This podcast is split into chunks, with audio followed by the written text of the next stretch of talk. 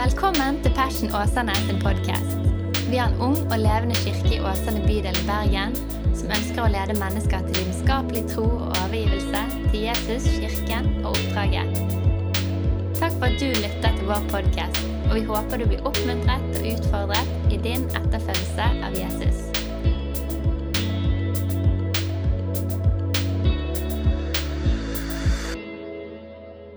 Hallo, kjære venn.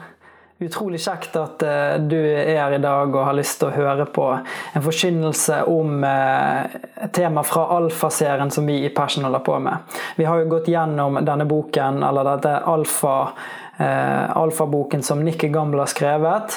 Og vi er nå kommet til eh, et av disse livets spørsmål som i dag omhandler helbredelse. Og der er det store spørsmålet om helbreder Gud i dag.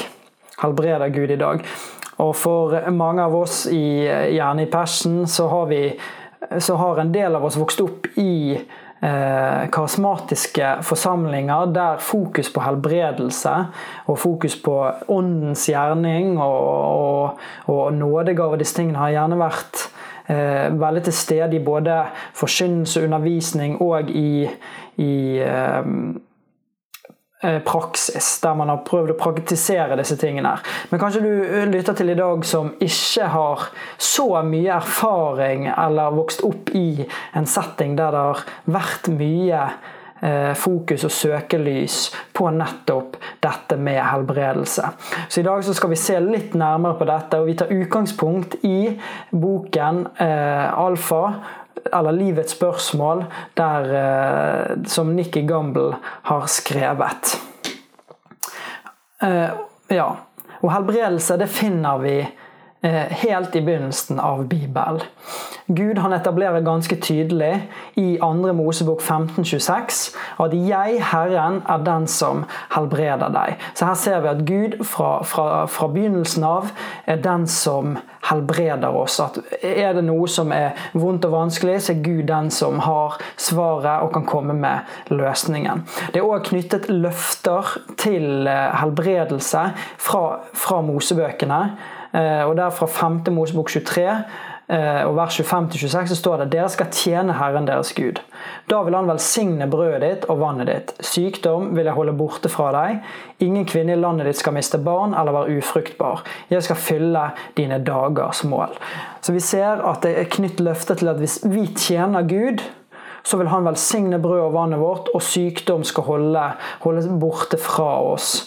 Eh, så på den måten så ser vi at Gud han lover å, å, å velsigne de som følger og holder seg nær til han.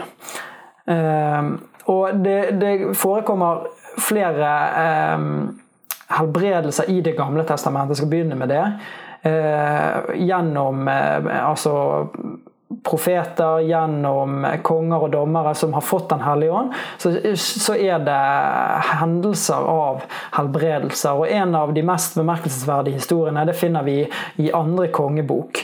Og, og mm, kapittel 5 og vers 9-14. og Da er det altså Naaman som er armerkongens hærfører. og Han får et tips fra en eh, fra en tjenestekvinne at, at, han kan gå og bli helbredet for hudsykdommen sin. Han er nemlig, han er nemlig spedalsk, og han får eh, ja, blir da henvist til Elisha og blir sendt til Elisha for å, kunne bli helbredet for dette. For, for han har hørt om at, at, eh, at Elishas gud kan gjøre disse miraklene her. Og da står det i andre kongebok 5, 9-14, så står det Så kom da Naaman med hester og vogner og stanset ved døren til Elishas hus. Elisha sendte et bud ut til ham og sa Gå og vask deg sju ganger i Jordan, så skal kroppen din bli frisk, og du blir ren. Da ble Naman sint og dro bort. Han sa, jeg trodde han selv ville komme ut til meg, stå fram og påkalle Herren sin Guds navn, føre han fram og tilbake over det syke stedet og fri meg fra sykdommen. Er ikke Abana og Parpar, elvene med Damaskus, like gode som alle vassdragene i Israel? Kunne jeg ikke vaske meg i dem og bli ren? Så snudde han og dro bort i fullt sinne. Men Namans tjenere kom til ham, snakket med ham og sa Far, hadde profeten pålagt deg noe vanskelig? Ville du ikke da gjort det, som f.eks. å utslette tre folkeslag? Da hadde han tenkt yes, det skal jeg gjøre for min helbredelse. Men så sier de videre Hvor mye mer nå når han bare sier til deg at du skal vaske deg og bli ren? Så dro Naman ned til Jordan og dukket seg sju, sju ganger i elven, slik gudsmannen hadde sagt. Og da ble kroppen hans frisk igjen som kroppen til en liten gutt. Og han ble ren. Rett og slett skikkelig eh, glatthudet. Rett og slett. Så her ser vi at eh, at gjennom Elisha, som var, eh, var fylt av Den hellige ånd, så gjorde helbredet Gud Naman. Uh, yes. Og så skal vi se litt på, på, på Jesu forkynnelse og, og, Jesu verk, han, eller Jesu tjeneste. Eh, og de første ordene som Jesus kommer med, eh, som er etter Markusevangeliet, der sier han Tiden er inne. Guds rike har kommet nær. Vend om og tro på evangeliet. Um, og disse ordene her, som er de første ordene Jesus sier i, i Markusevangeliet, det er et veldig sentralt tema som går gjennom hele Jesu tjeneste. Og Guds rike, eller sånn som Matteus ofte skriver, himmelens rike, det blir brukt 82 ganger i Nye Testamentet. Så, så veldig ofte når Jesus eh, taler om, om eh, eller forkynner, så bruker han Guds rike og himmelens rike i eh, forkynnelsen og undervisningen sine. Eh, og, og, dette riket, eller det ordet som Jesus bruker på gresk, det omhandler på en måte geografi Eh, altså det, det, er et geografisk område som er dette riket, men det er òg et verb i det som omhandler å herske og regjere. Så det er et geografisk område på samme tid som det er at, at dette riket hersker og det regjerer innenfor det området. Og, og når Jesus uh, forkynner og helbreder syke, så står det mange plasser at han fikk inderlig medlidenhet med menneskene. Og, det er et av hovedgrunnene uh, til, til, helbredelse som vi ser, det er at, at, at Gud har inderlig medlidenhet med oss. Uh, og han søker å, å, fri oss og hjelpe oss. Og Det står i første kor 24 at Guds rike består ikke i ord, men kraft. Så Jesus sa ikke bare mange fine ting. Han sa ikke bare at Guds rike, himmelens rike, kommet nær. Men han, han, demonstrerte det gjennom helbredelser. Og Vi skal se nå på et par bibelvers der, eh, der eh, det forekommer helbredelser i Jesu tjeneste. Og Det første vi skal se på det er fra Matteus 4, 23 til 24. Og Der, sto det, eller der står det Siden dro Jesus omkring i hele Galilea. Han underviste i synagogene deres, forkynte evangeliet om riket og helbredet all slags sykt, all sykdom og plage hos folket. Ryktet om ham spredte seg over hele Syria, og de kom til ham med alle som hadde vondt og led av forskjellige sykdommer og plager. Både de som hadde onde ånder, de månesyke og de lamme, og han helbredet dem. Videre så ser vi Markus 6, 53-56. Da de var kommet over, la de til land ved Genesaret og fortøyde der. Straks de steg ut av båten, kjente folk ham igjen. Og de skyndte seg rundt i hele nabolaget og begynte å bære de syke på bårer dit de hørte han var. Og hvor, en, hvor han enn kom, til landsbyer, byer eller gårder, ble de syke satt ut på torget. Og de ba om at de i det minste måtte få røre ved dusken på kappefliken hans. Og alle som rørte ved ham, ble friske. Jesus brøt opp fra, og så videre i Lukas 4, 38-40. Der står det Jesus brøt opp fra synagogen og gikk hjem til Simon. Her lå Simons svigermor syk med høy feber, og de ba Jesus hjelpe henne. Han bøyde seg over henne og truet feberen, og den slapp henne. Straks hun sto opp, stelt, straks hun sto opp, stelte hun for dem. Ved solnedgang kom alle til ham med sine syke, som hadde mange slags plager. Han la hendene på hver enkelt av dem og helbredet dem. Så her har vi tre forskjellige evangelier med tre forskjellige fortellinger om, eh, om der Jesus helbreder mennesker. Og Her kommer det fram både at han eh, helbreder enkeltmennesker, altså Sigers, nei, Simons svigermor, som ligger med høy feber. Han, eh, han er til stede og, og, hjelper denne ene trengende. Men så er han òg ute og møter mange behov. Han er ute og helbreder grupper av mennesker, og alle sammen. Og Det er kjennetegner Jesu tjeneste at han er både eh, til stede for den enkelte, men òg for de mange. Og det er helt rått med Jesus. Så det kommer Og det er utallige av disse situasjonene. Eller disse historiene om når Jesus helbreder mennesker og møter dem med kraft. Og så er det dette riket som Nikki Gamble bruker et bilde til å beskrive litt i forhold til helbredelse og Guds rike, som er sentralt i nettopp eh, dette. Og eh, sånn som dere kan se på bildet, så har jeg stilt meg spørsmål om det er to virkeligheter som vi erfarer. Spørsmålstegn. Og eh, sånn som dere ser, så er det to parallelle streker. Eh, den ene nederst på bildet, som, som er en, en, en vannrett strek. Som, som der det står 'denne tid'. Så det er den tiden vi lever i nå. Og så har du over en parallell strek til denne som handler om tiden som kommer. Så går det en loddrett strek ned midt på denne tid, ser den nederste streken, som handler om Jesu første komme som handler om Jesu første komme. Og Der står det i Bibelen at Jesu, altså da kom han i svakhet. Han kom som et menneske. Han kom lik oss. Eh, som en tjener, i en tjenerskikkelse, som det står i Filippa-brevet. Eh, og så har du litt lenger borte på denne tid, tidslinjen, så kommer det en ny loddrett strek som handler, omhandler Jesu andre kom. og Da skal han komme i kraft, og da skal han komme i, i styrke. Og han skal opprette sitt rike fullstendig på jorden. Og på den måten så ser vi at, at eller Her har vi altså denne tid under, og så har vi tiden som kommer over. og, og i Jesu første komme så ble tiden som kommer, realisert i prinsippet. Gjennom Jesu verk på korset, gjennom at Jesus tok på seg all synd, betalte straffen for alt det onde. Eh, så ble den tiden som kommer, realisert i prinsippet. Den ble tilgjengelig gjennom at, eh, som òg kan være Guds rike. Da. Guds rike ble realisert i prinsippet og er tilgjengelig for oss. Eh, og ja. Og for å beskrive litt tiden som kommer, så står det i Åpenbaringen 21,4. Der står det om tiden som kommer. Han skal tørke bort hver tåre fra deres øyne, og døden skal ikke være mer. Heller ikke sorg eller skrik eller smerte. For det som en gang var, er borte. Så i tiden som kommer, altså Guds rike, så er det ikke sorg. Det vil ikke være skrik eller smerte. Det vil ikke være behov for helbredelse. Det vil ikke være behov for trøst, fordi det sorg og smerte eksisterer ikke. For det er tatt bort. Er, I Guds rike så finnes ikke disse, så finnes ikke disse tingene. Eh, det onde eksisterer ikke i Guds rike. Og så skriver Paulus litt om tiden som vi lever i nå, eller dette spennet vi står i, som kanskje eh, er mer presist å bruke. Ja, han skriver i Romane 8,23, ja, enda mer. Også vi som har fått åren, den første frukt av høsten som kommer.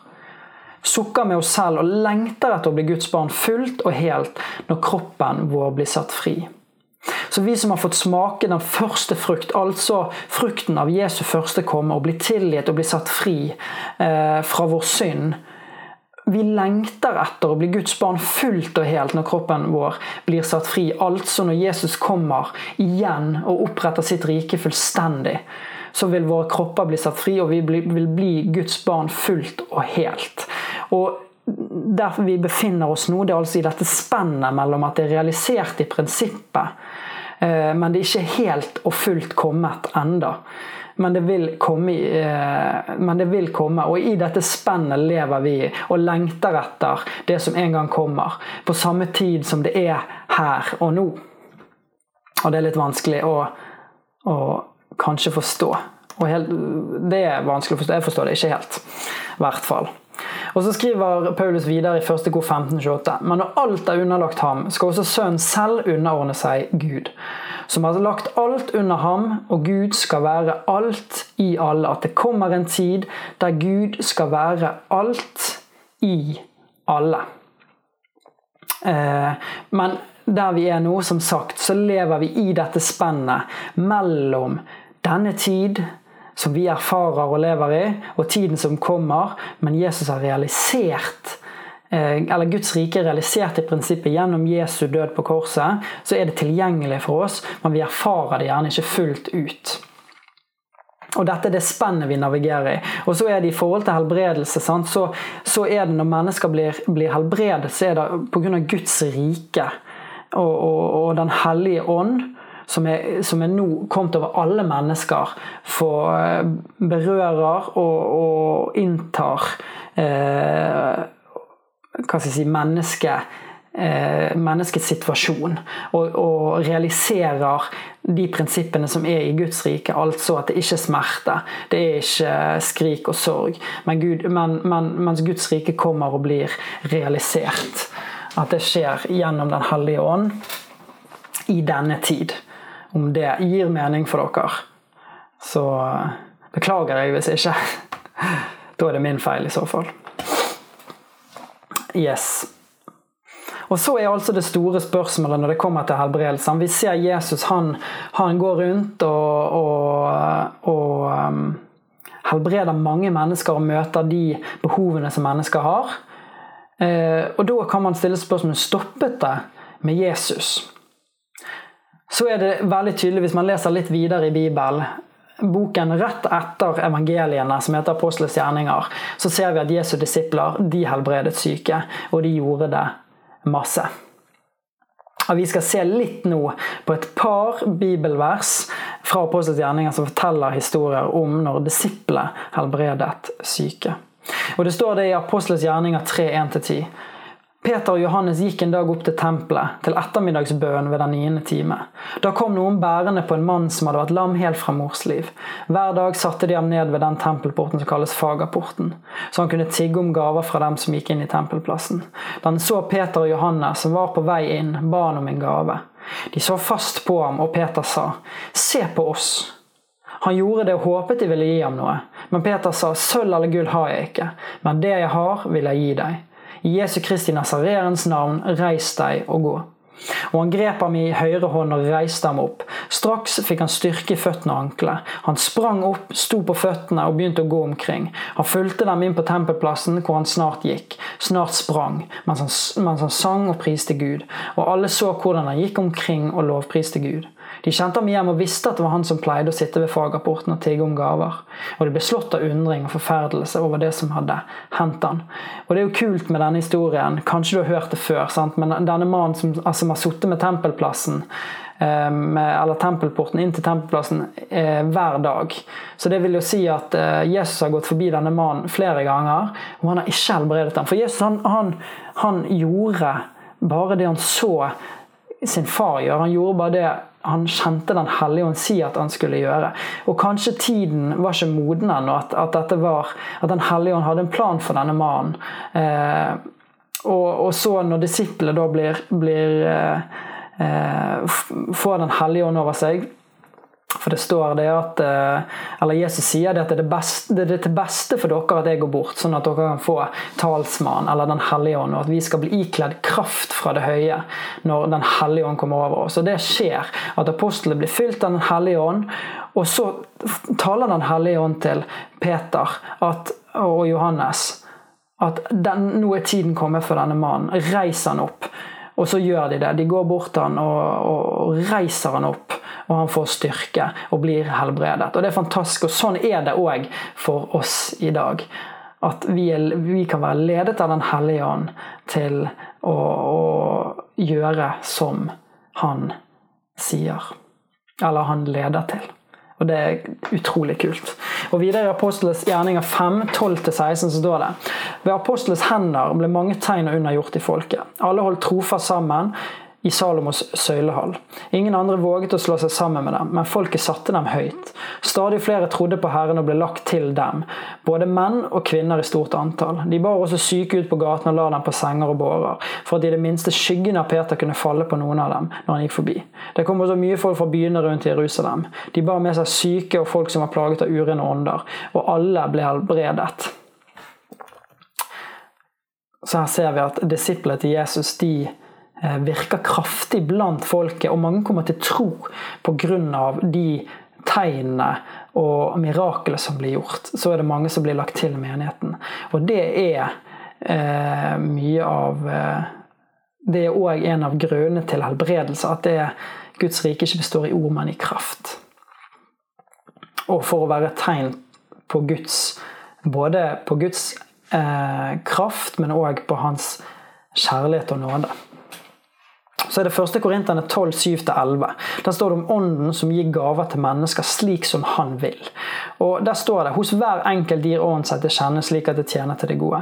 For ved en og samme ånd blir det gitt én å tale visdom, en annen å formidle kunnskap, en får ved den ene ånden en spesiell trosgave, en annen for nådegaver til helbrede, og en for kraft å gjøre under, en for den gave å tale profetisk, en annen å bedømme ånder, en for ulike slag av tungetale, en øh, og en annen kan tyde tungetale. Alt dette gjør den ene og samme ånd, som deler ut sine gaver til hver enkelt slik han vil. Så, så Den hellige ånd virker sine gaver i oss slik som han vil. Og, og han virker med, med, med, kraft i oss. Og Dette blir også skrevet om i Hebreerne 2,4, der også Gud har gitt sitt vitnesbyrd. Gjennom tegn og under og mange slags mektige gjerninger, og ved å dele ut Den hellige ånds gaver etter sin vilje. Så han virker gjennom tegn og under og mange slags mektige gjerninger gjennom mennesker. Og så kan jo man stille seg spørsmål igjen om det stoppet med apostelen. Mange som tror det.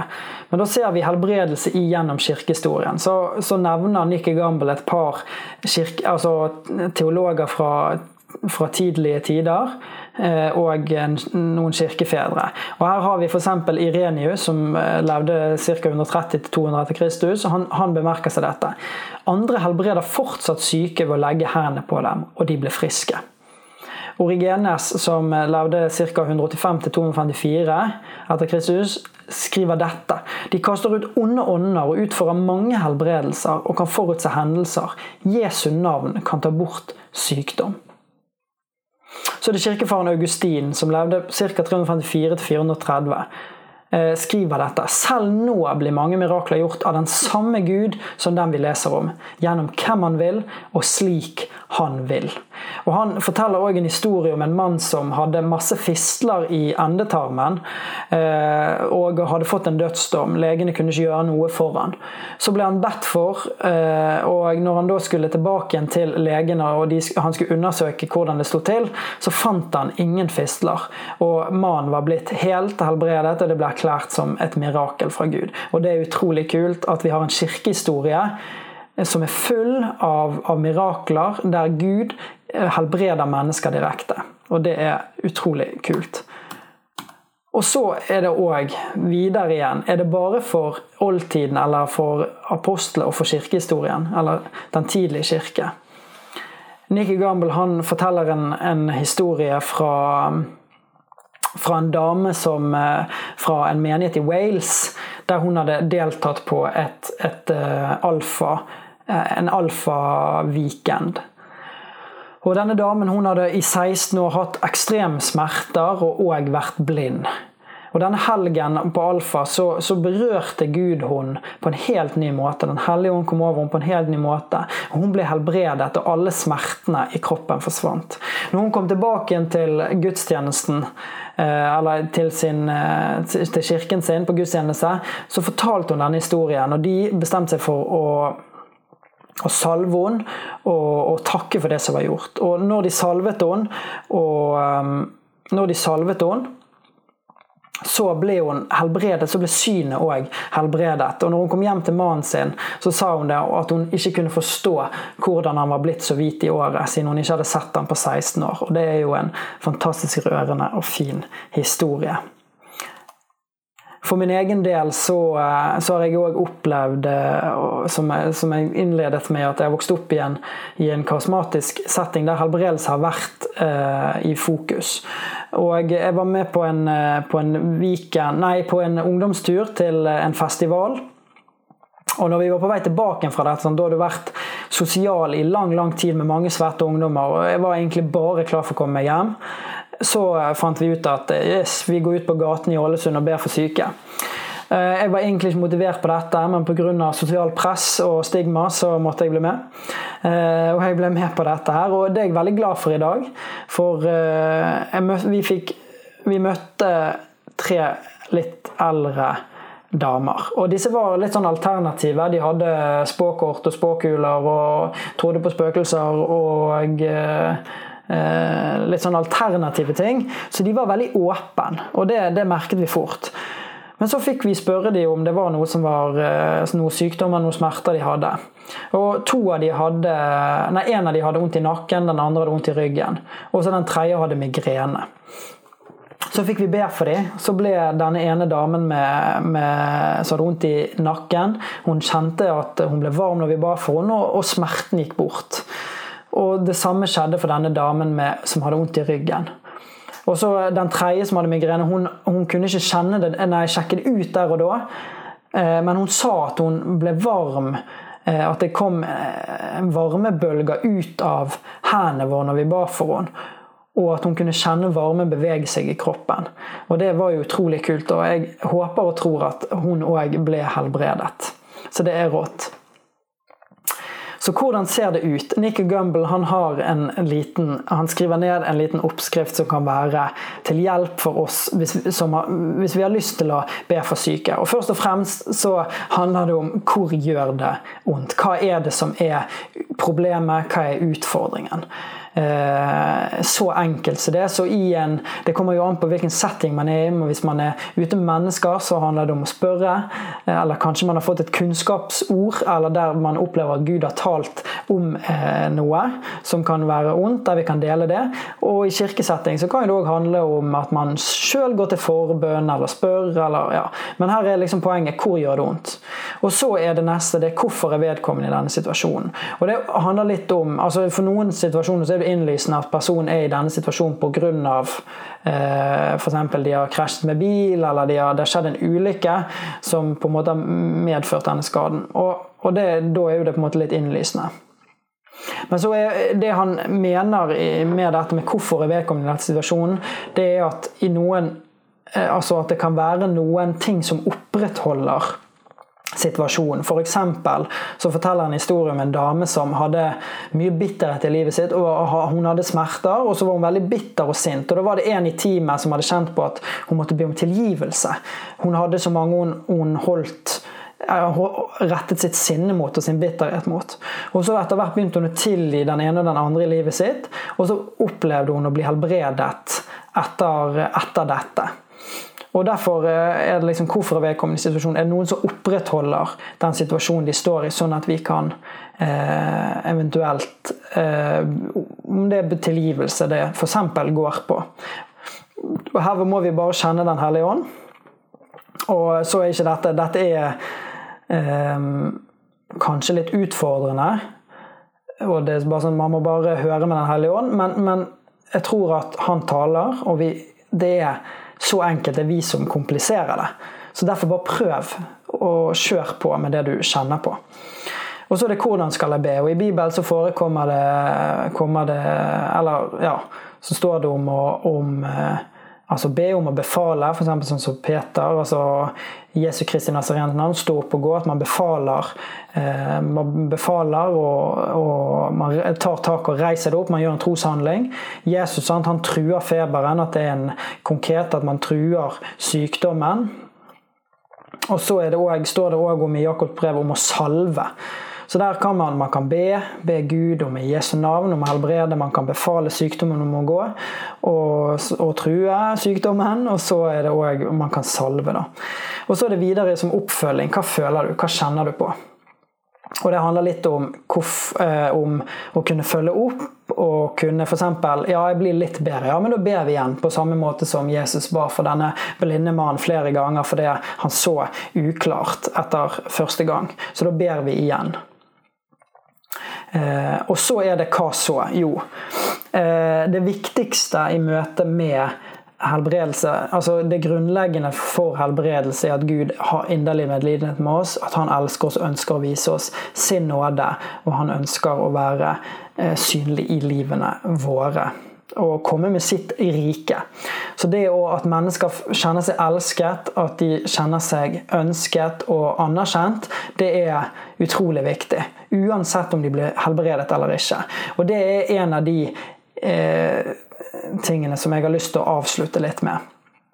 Og det er at Vi står i dette spennet mellom denne tid og tiden som kommer. Ja, Guds rike er realisert i prinsippet, men likevel er det ikke her fullt og helt ting, og det er jo bare å ta en titt på nyhetene, ta en titt ut av vinduet. Guds rike er ennå ikke kommet, men det er realisert i prinsippet gjennom at Den hellige ånd er utøst over alt sjøl. Alle mennesker har Den hellige ånd tilgjengelig i livet sitt. Og på den måten kan Guds rike komme nær hver enkelt. Men dette spennet som vi lever i, gjør òg at ikke nødvendigvis alle er helbredet, er friske vi opplever mye smerte og, og, onde ting i denne verden her. Og Da leder det gjerne til det spørsmålet hva med de som ikke blir helbredet? Og For min egen del, så, eh, for de som kjenner meg og min familie, eh, så har vi stått i en sånn situasjon der eh, min pappa ikke ble helbredet for kreft for for over, litt over ti år siden.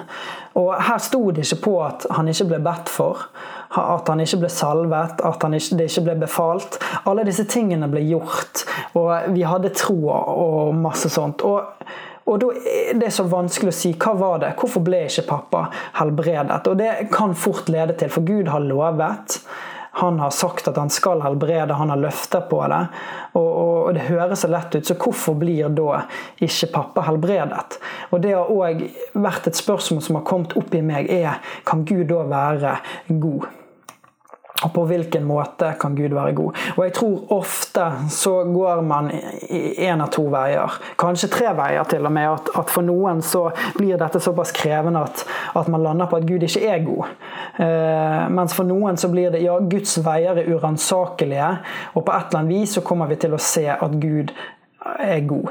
Og jeg, noe, jeg, tror på noe av det. Jeg tror at, at, når alt kommer til stykket, så kommer vi til å se og vi kommer til å forstå og vi kommer til å se at Gud er god. Men jeg tror heller ikke at det var Guds vilje at pappa skulle dø fra kreft og ikke bli helbredet. Jeg tror Gud ønsker å helbrede alle mennesker. Han ønsker å sette fri alle mennesker som ennå eh, Nei, sette fri alle mennesker som er underkuet av, av eh, mørket, av eh, denne verden og av de følene som, som det følger.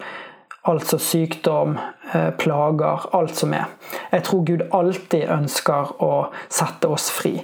Så da kommer vi tilbake til det samme spørsmålet. Hva med de som ikke blir helbredet? Og jeg har landet på, for min del, Gud er fremdeles god. Han er fantastisk, og jeg tror han har bare kjærlighet for oss. Han har gitt sitt liv for oss, og da tenker jeg det står ikke på hans kjærlighet til oss. Jeg, men jeg tror heller ikke at han Det er ingenting i Bibelen som tyder på at Gud står bak sykdom, at Gud opprettholder sykdom, eller at han, at han ikke ønsker helse. Så jeg kan ikke lage teologi på en subjektiv opplevelse som ikke eh, som ikke stemmer med det som står i Guds ord. Så jeg har landet på at dette er et mysterium. Dette spennet som vi står i nå, og hvorfor ikke alle blir helbredet til, til enhver tid, jeg vet ikke. Det er et mysterium for meg, og jeg tror vi kommer til å få svar på det en gang som kommer til å gi mening. Men her og nå så er det litt sånn vet du hva, Jeg vet faktisk ikke, men det jeg vet, det er at Gud elsker oss. Og at han ønsker at alle mennesker skal ha det godt, og at alle mennesker skal være friske og raske og skal leve gode liv. Det er det jeg vet. Så for meg som har opplevd dette, som jeg vet så mange andre òg har stått i, så har jeg kommet til, til den konklusjonen av at det er et mysterium. Men Gud, er han god? Ja. Han er god, og han elsker oss. Og helt, helt til slutt så er det i møte med helbredelse Når man har opplevd Gud gripe inn og Gud gjøre ting, så kommer man ofte til eh, Så er det ofte sånn som eh, det begynner med. At djevel kommer med 'Har Gud virkelig sagt?' Og jeg har opplevd det så mye med de historiene jeg har, at har Gud virkelig gjort dette? Var det virkelig Gud som grep inn, eller var det bare eh, Var det bare um, innbillelse, eller var det bare føleri? Og jeg tror at den, den tvilen her jeg tror den kan stjele så mye fra oss. Og det å tvile er menneskelig, det er lov, men ikke la det gå utover eh, troen og, og, og, og tilliten til at Gud ønsker å helbrede. For jeg tror at Gud har helbredelse. I de situasjonene der du kjenner at det, det kommer en og sier ja, var det virkelig Gud? Så bare sånn Yes, det var Gud. Og jeg takker han, og jeg priser han for det. At han er til stede i livet, og han griper inn. Uh, for det, det er sånn han er.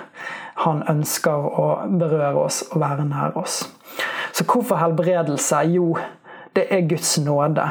Det er Guds inderlige medlidenhet og omsorg med våre liv. Han ønsker at vi skal leve, og at livene våre skal se ut sånn som det er i Hans rike. At det ikke skal være smerte, skrik og sorg men at det skal være liv og liv i overflod. Men det er òg et bevis i denne verden her på at Guds rike det består ikke i ord, men i kraft, og at det kan være et tegn på den Gud er, på Hans nåde, på Hans kjærlighet og på Hans, eh, hans kraft. Og det er òg et tegn på at Hans rike har kommet nær. Takk for at du lyttet til vår podkast. Hvis du synes den var bra, så del den gjerne med noen flere. Vil du vite mer om hvem vi er, hva som skjer, og kanskje besøke en av våre gudstjenester, se vår nye hjemmeside på fashionåsane.no, eller følg oss på sosiale medier. Helt til slutt, ta imot Herrens velsignelse. Herren velsigne deg og bevare deg. Herren la sitt ansikt lyse over deg og være deg nådig. Herren løfter sitt åsyn på deg og gi deg fred.